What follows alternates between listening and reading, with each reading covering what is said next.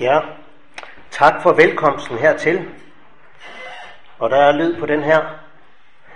Det er så flot. Så skal jeg lige have styr på den her ledning. Ui, er det fordi vi har... Den her, den er jo også stadigvæk på. Jeg ved ikke om... Øh, om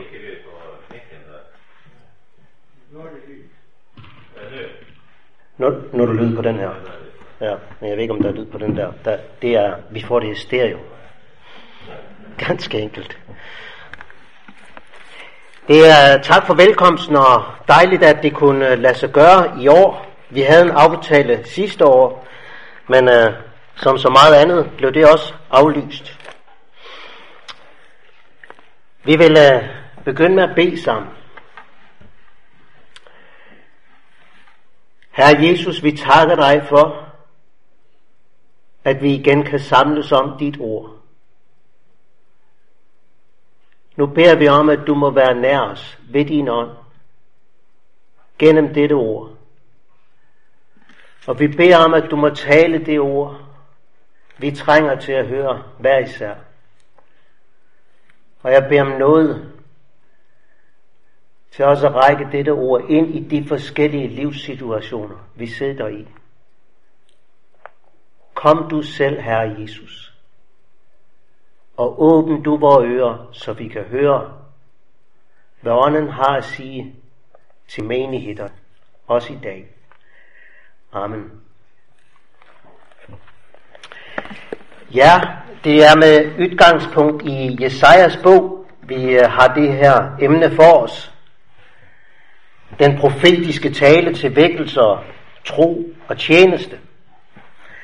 Og når vi nu skal være sammen om Jesajas bog, så er det jo slik, øh, både med den og en hver anden bog, at øh, der er det godt til en begyndelse.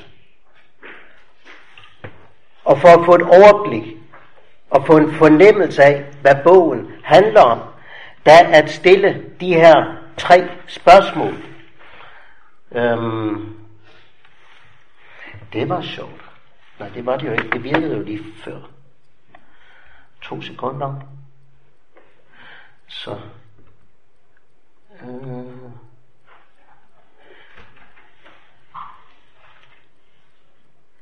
Ja. Hvad sker der? Der. Hvilke øhm, der er sådan tre spørgsmål til at forstå hvad en bog handler om. Og der begynder man med at spørge, hvor begynder bogen? Hvad er de store hoveddele? Og hvor ender bogen?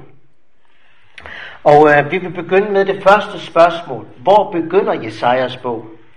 Øjeblik, fordi det, jeg ser ikke det samme på den her skærm, som I ser. Hvorfor gør jeg ikke? Det gør jeg nu. Godt. Hvor begynder Jesaja? Han begynder ganske overraskende med at sige, Hør der himle, lyt du jord, for Herren taler. Barn har jeg opfostret og ophøjet, men de har sat sig op mod mig. Det er jo ganske overraskende. Dem Gud har skabt og forløst, de har sat sig op mod deres skaber og forløser. Ikke i det ydre, men i hjerterne. Hvert hjerte er svagt, eller som der står i min danske, er sygt. De kommer, hører vi i vers 12, for at vise deres for mit åsyn, så de kommer til helligdom. Men der er problemet i hjerterne. I stedet for at vandre med nådens skyld, hvor man gør op med synd, onde gerninger, ja, der tilbeder de nok Gud. Men uden hjertets fortrolige omgang med ham, hjertet er blevet svagt, er blevet sygt. Det er det ene overraskende til en begyndelse. Det andet overraskende, det er, at Herren har ikke forkastet sit folk, men han siger, kom, lad os gå i rette med hverandre. Her begynder Jesajas bog med at sige til dette folk, hvis hjerter er syge, kom, lad os gå i rette med hinanden. Kalder folket ind for den helliges ansigt. Den begyndelse vender vi tilbage til. Når vi så skal have en fornemmelse af, hvad en bog handler om, så skal vi også have fat i sådan de store hoveddele. Og nu bliver det meget enkelt overblik, vi får her. Jesajas bog kan man dele op overordnet to hoveddele. Et langt afsnit, hvor vi hører om Guds dom. Først over Nordriget Israel, og også over Sydriget, Juda. Men også domsord over folkeslagene omkring. Disse domsord er en øh, periode, en lang periode, frem mod Jesu første komme. Og fra Jesajas tid og frem mod Jesu første komme, det er en periode, hvor verdensrige afløses på verdensrige, som afløses på ny verdensrige. Og det har et dobbelt sigte. Dette afsnit. Et dobbelt sigte. Fordi disse hedninge folk og deres øh, Guds billede, det er sligt, at den gyden, der er den stærkeste, vinder også i krig. Og når vi nu har en periode, hvor det ene verdensrige går til grunde efter det næste, og så det tredje, der afsløres også disse afgyders tomhed.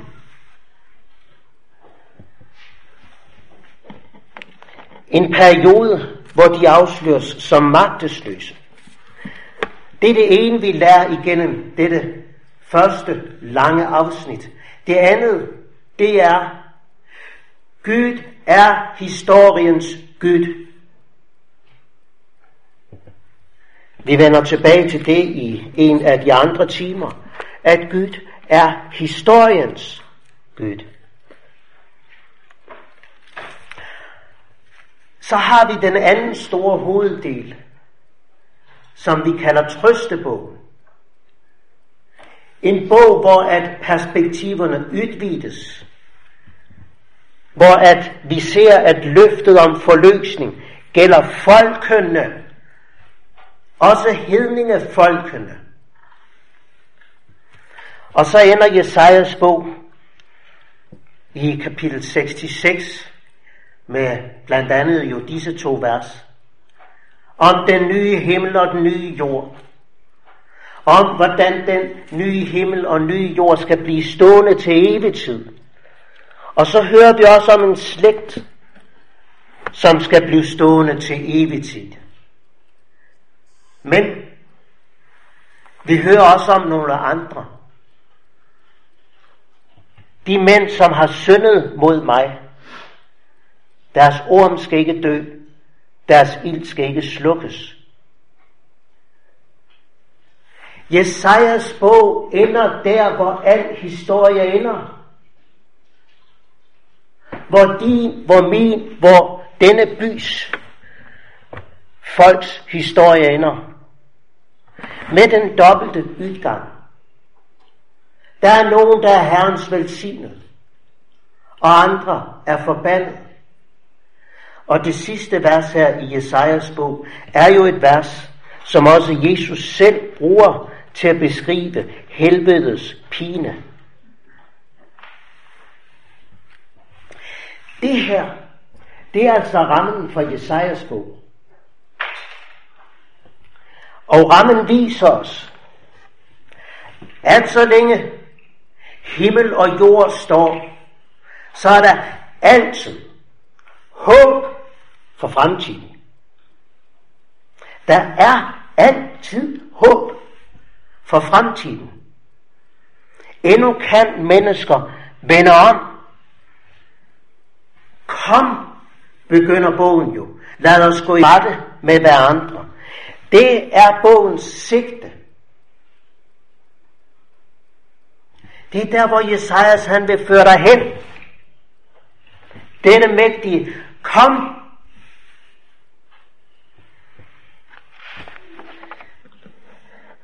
Jesajas og alle profeterne, de stiller os jo gang på gang over for dette enten eller.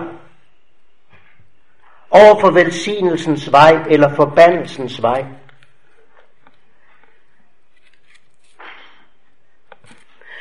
Og i den forbindelse, der er der et gennemgående tema, både her hos Jesajas og også hos de andre profeter. Det er det gennemgående tema i forhold til afguderne. Jeg har berørt det. Både for folket her og lige så vel også i dag. Der er det et spørgsmål om vores forhold til det allerførste bødt, du må ikke have andre gyder end mig. Hovedsønnen i skriften, det er jo afguds styrkelse, eller du kan sige vantro imod Gud. Det er hovedsønnen. Og kanskje nogen af der tænker, nej, det er nu ikke hovedsønnen i mit liv. Du kan pege på mange ting i mit liv, men afgudstyrkelse og øh, brud på det første byd, det er ikke mit problem.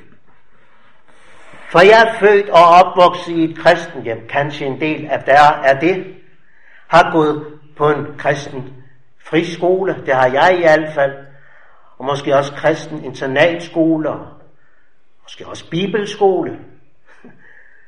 Du kan ikke sige, at jeg er slik de her, der har sat sig op mod Gud.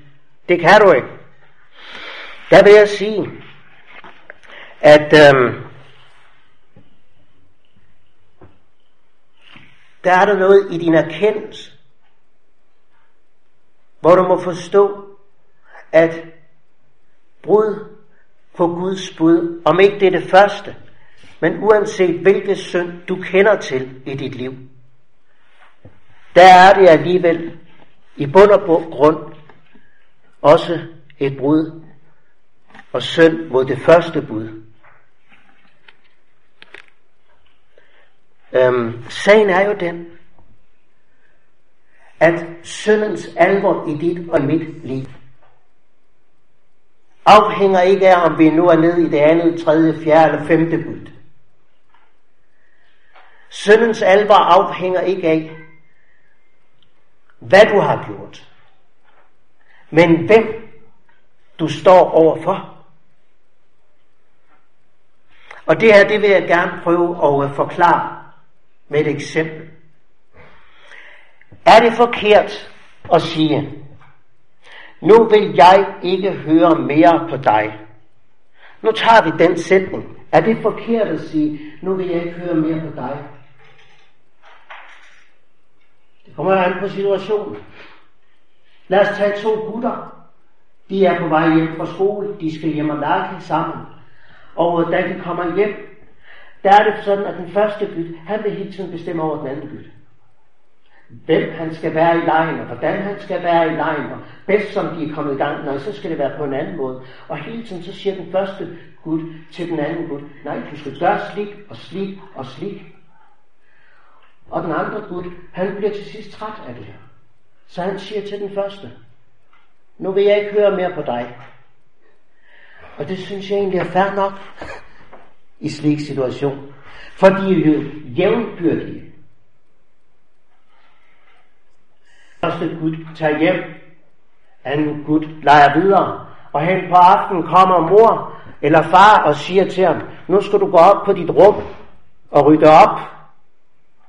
Og sådan små størrelser, de evner jo at ignorere forældre, når der kommer sådan byt. Så han hører ingenting. Og anden gang, du skal rydde op. Tredje gang, hør nu efter, du skal op og rydde op på dit rum. Hvis gutten så siger til mor, nu vil jeg ikke høre mere på dig. Der er det jo, der er det jo altså alvor. Det er ikke kriminelt, men det er alvorligt. For mor har en autoritet over barnet sit. Vi fører det et skridt videre. Kanskje jeg låner skolens bil her til en tur i morgen, og skal ud og se landskabet omkring Tromsø. Og på et tidspunkt så går det sådan lidt ned ad bakke. Og akkurat på den strækning står politiet med deres kontrol. Og lidt længere frem bliver jeg vist ind til siden, og øh, politiet skal snakke med mig. Og jeg prøver at forklare politiet, jeg kører altid efter trafikreglementerne. Det gør jeg altså. Jeg har aldrig prøvet det her før. Og øh, jeg prøver og prøver at forklare mig. Og så siger politimanden, for han vil ikke høre på mig, og han siger til mig, vi er meget taknemmelige for, at du holder reglementerne. Men jeg taler ikke om alle de gange, hvor du holder reglementet. Jeg taler om det, som skete for 500 meter siden. Der kørte du for stærkt. Og nu får du en bøde, som du kan betale, når du kommer hjem. Hvis jeg så siger til politiet, nu vil jeg ikke høre mere på dig. Ja, jeg kan være usikker på, om jeg kommer tilbage til Danmark. Det er jo kriminelt. Det er ikke bare alvorligt, det er kriminelt, nu for jeg står for en tjenestemand. Hvis kong Harald han kommer til denne by og skal se, hvordan det er her i Tromsø, og han skal også se Bibelskolen. Han snakker kanskje med forstander her, eller nogle af eleverne, og han spørger til, hvordan det er at drive bibelskole her, og han spørger, og han spørger, og han spørger. Tænk, hvis en af eleverne så siger, Kong Harald, nu vil jeg ikke høre mere på dig. Så er vi jo oppe i majestætsfornærmelse. Det er samme sætning. Alvoren afhænger af, hvem du står overfor. Og ikke desto mindre, så er det jo sådan, utallige mennesker er over for kongernes konge og siger, nu vil jeg ikke høre mere på, hvad du har at sige. Jeg vil selv være herre i mit liv. Der er det ikke bare majestæts fornærmelse. Nu er vi ude i det aller værste. Guds bespottelse. Forstår du? Det afgørende er ikke, hvad du gør i dit liv, og hvad du kender til af synd på det ene eller det andet område. Det afgørende er, hvem står du overfor? Du står over for den hellige. Og det gør vi altid. Over for den hellige. Slik også Jesajas han gør det. Vi kommer ind på det i næste time. Hvad vil det sige, at han er den hellige? I Danmark har jeg nogle gange hørt det forklaret slik, at det betyder, at Gud tåler ikke synd. Jeg ved ikke rigtig, hvad jeg skal synes om den formulering. For når man læser Jesajas og profeterne, så får man det grundlæggende indtryk, at det er synderen, der ikke tåler Gud. Det er jo mig, der har problemet.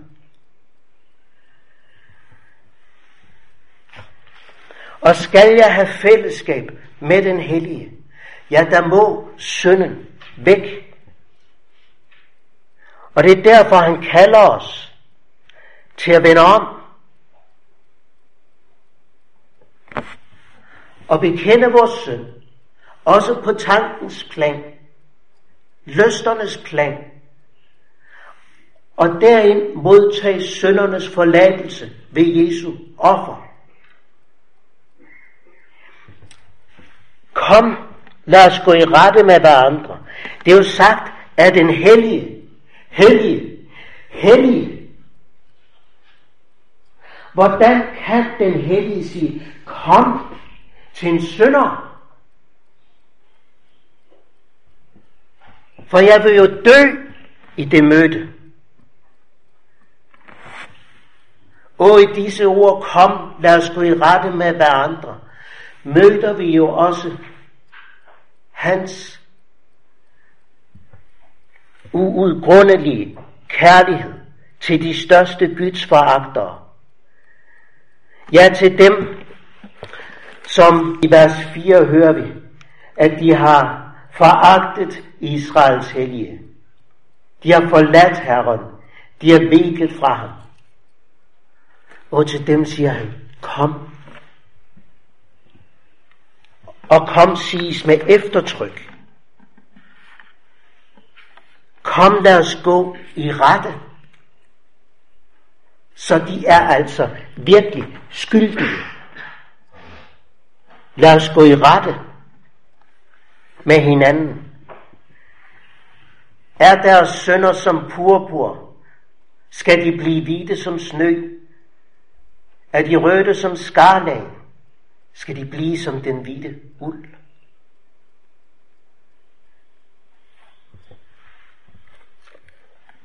Skarlag, det er et farvestof fra en lilla fisk, en dyb rød permanent farve. Og får man en plet på tøjet, så er den umulig at fjerne. Og jeg synes, det er så stærkt et billede på din og min søn.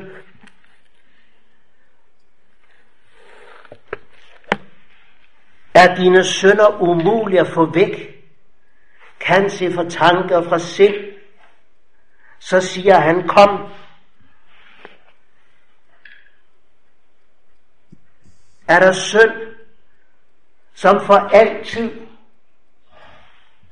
har ødelagt noget mennesker imellem, så siger han, kom.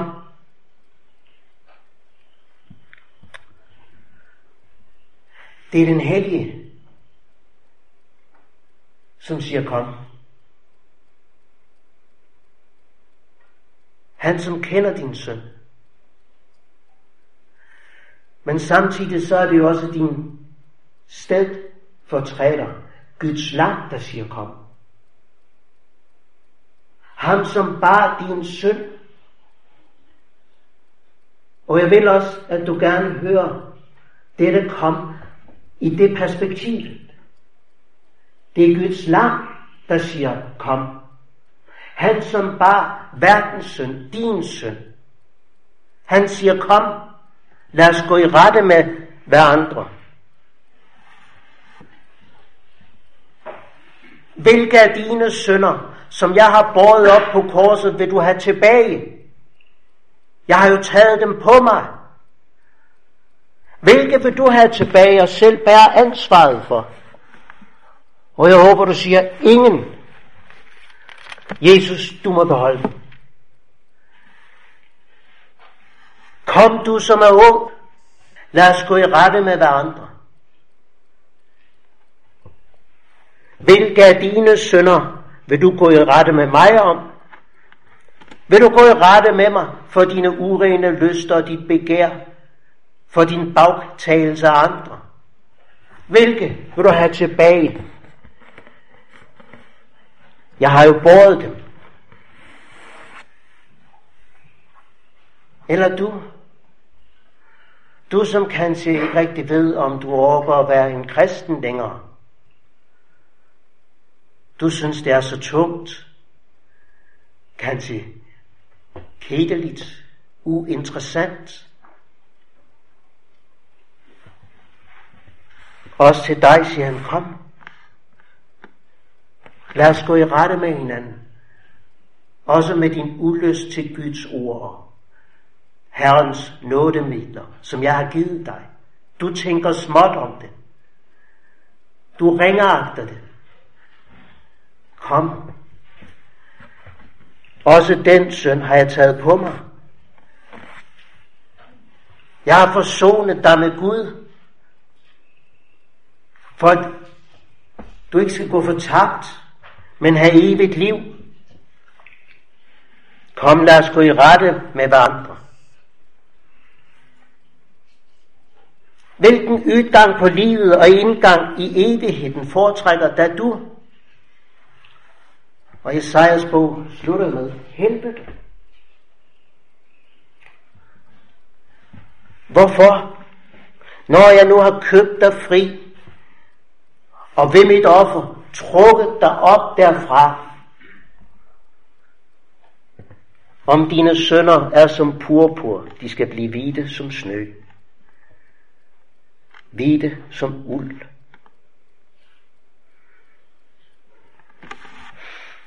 Og jeg håber, du gennem dette ytsavn fornemmer hans evige, uudtømmelige nådekilde, der troner frem igennem dette udsagn, når han siger kom. En uendelig kærlighed. Og øh, jeg synes, det bliver endda stærkere, når vi lægger mærke til, hvad der står i vers 10. Hør Herrens ord, der Sodomat fyrster. Lyt til vor Guds lov, du godmorger folk. Altså i vers 4, der blev de omtalt som det syndige folk, ved det syndige folk. Men nu, Gomorra folk. Det er jo rystende. For Sodoma og Gomorra, de står jo i skriften som advarende eksempler for al eftertid. Advarende eksempler på, hvordan det går det folk og det land, som foragter Herren, via fra hans ord, ud i et tøjlesløst liv. Det vil sige ingen grænser i livet i et udsvævende, urent, videnskabeligt liv, og jo særligt på det seksuelt etiske område.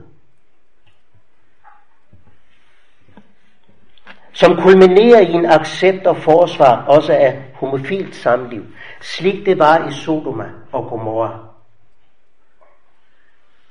Det er jo egentlig rystende, at Jesajas han anvender det ord på dem.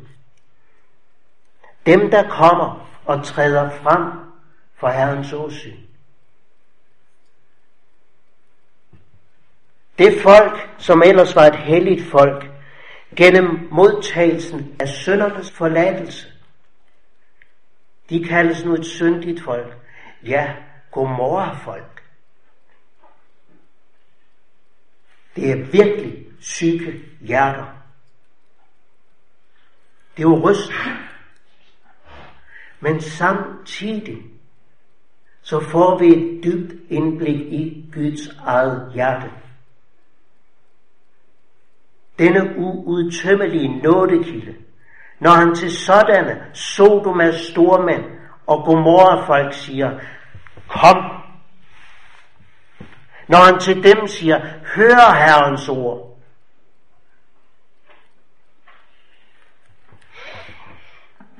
Derfor må jeg sige, hvad enten du sidder her som ung, eller måske som stormand, altså en med betroede lederopgaver i forsamlingen, og som kanskje med bitterhed må erfare, hvordan ånden fra Sodoma og Gomorra er ved at ødelægge dit åndelige liv. Måske også dit familieliv. Ægteskab. Tjeneste. Du som med bitterhed erfar ånden fra Sodoma og Gomorra. Herren Jesus Kristus siger til dig, kom, lad os gå i rette med hinanden. Også dine sønner kan blive hvide som snø. Bliv som den hvide uld. Det kan de under det blod, der flød også for dig. Og sætter du fast i synden. Du skal blive hvid som snø. Ved Jesu Gud, Guds søns blod, som renser dig for alt synd. Kom, Sodomas fyrster. Og jeg synes, det er så stærkt det der, Sodomas fyrster. Altså dem, som er længst fremme i dette livet, i Sodoma. Også jer. I dette udsvævende, urene, lidenskabelige liv. Kan du forstå, jeg begyndte med at sige, at der er altid håb, så længe jord og himmel står. Håb for fremtiden. Også håb for vores folk. For dette råb fra himlen gælder endnu. Kom. Lad os gå i rette med hinanden. Så er der også håb for vores folk, som jo er på vej ind i, ind under Guds dom og forbandelse i dette moderne Sodoma og Gomorra, vi lever i. Det er de. Det er vores folk. Og samtidig så knytter håbet sig til det. Nåden i Gud, Guds hjerte, som siger, kom, lad os gå i rette med hinanden. Og øh, der er det jo slik, at når vi skal række os af dette kom, til den verden vi er sat i, så står man ikke og siger, kom, gå hen til korset. Nej, Guds vidner er ikke nogen, der bare peger hen til korset. Vi står der selv. Guds vidner siger altid, kom, for jeg har brug for samme nåde. Skønner du det? Når jeg betoner dette, så er det fordi, i kristenheden, i hvert fald mange steder, der er evangeliet noget, vi skal forkynde for de vantro, så de kan komme hen til korset. Men slik er det ikke. Guds vidner, de står her selv. Jeg trænger selv dette ord om korset. Og det er kun slik, du kan være et vidne. Og også sige til Sodomas stormand, kom. Min pointe her, det er, også når vi taler om homofilt samliv, og vores holdninger rundt dette, der må jeg sige, også der som der sidder nogen i denne forsamling, som kæmper med synd på dette område. Jeg skal sige dig, vi har brug for samme note. Du i dit liv. Jeg med ting i mit liv. Men vi siger kom. Jeg savner nogle gange den erkendelse hos Guds folk. Også når vi taler om dette liv i det moderne Sodoma og Gomorra. Den erkendelse, vi har brug for samme nåde. Og med den erkendelse, også kærlighedens smerte, som siger kom. Det er sandt. Vi må være klar også på dette område, hvad der er sandt. Men vi må ikke blive det med hårde hjerter.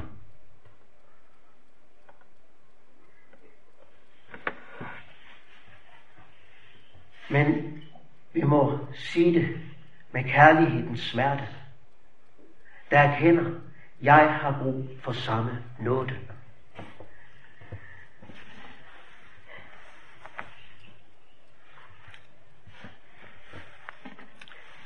Når det gælder vores tid, øh, som vi lever i, og øh, den åndelige situation i vores lande, der kan jeg nogle gange gribes af bekymring.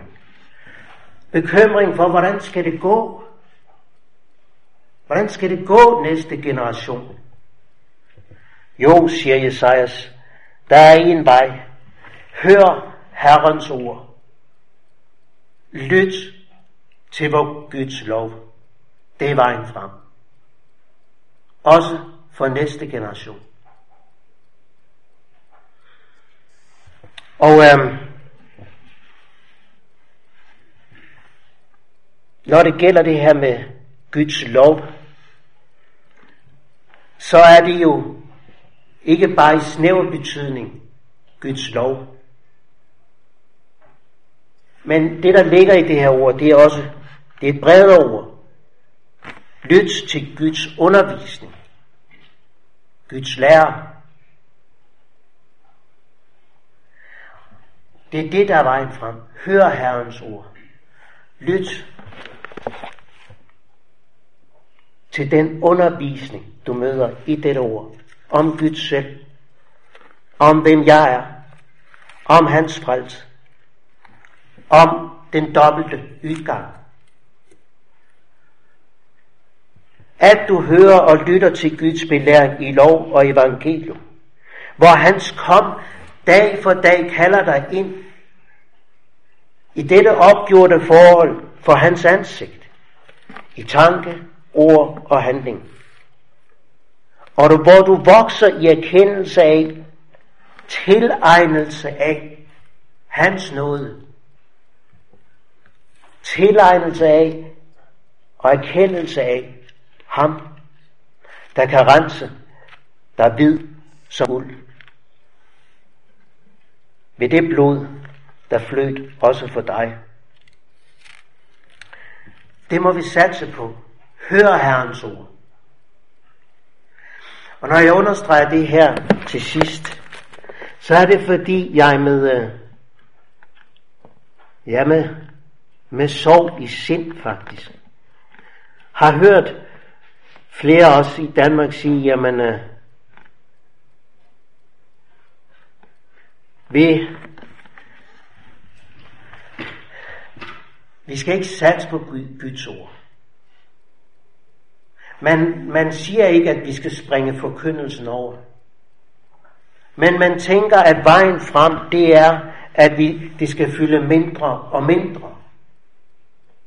Og der må jeg sige, der satser vi forkert i det moderne Sodoma og Gomorra, når vi tror, at vejen frem er mindre af Guds ord. Eller slik nogle unge familier er begyndt at sige til hinanden i en travl hverdag, det er ikke så afgørende at komme og lytte til Guds ord.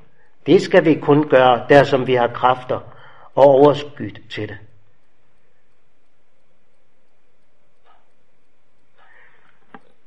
Jesus han siger, hør, lyt. Det ord må vi lytte til. Også i forhærdelsestider og domstider. Det ord, som leder os hen til vor Immanuel. Hen til ham, der kom for at tjene os med søndernes forladelse. Tjene os med sin renselse dag for dag, og derfor også kaldes Herrens tjener. For at tjene os, sådan som vi møder det også i den skønne trøstebogen i Jesajas, Herrens tjener. Det er vejen frem. Det er det gennem livet her. Det er det ind til evig salighed hos ham. Kom, lad os gå i rette med hinanden, siger Herren. Og jeg tror, at vi skal sige Amen. Herre Jesus, vi takker dig for, at dette nåderige kom, endnu lyder. Og jeg beder om, at dette kom og lyde igen og igen ind i vores liv. At vi altid må stå som modtager af din nåde. Og leve i dette opgjorte forhold, også til dig, vor Herre og Frelser. Ind under det rensende blod, der renser os for alt synd. Amen.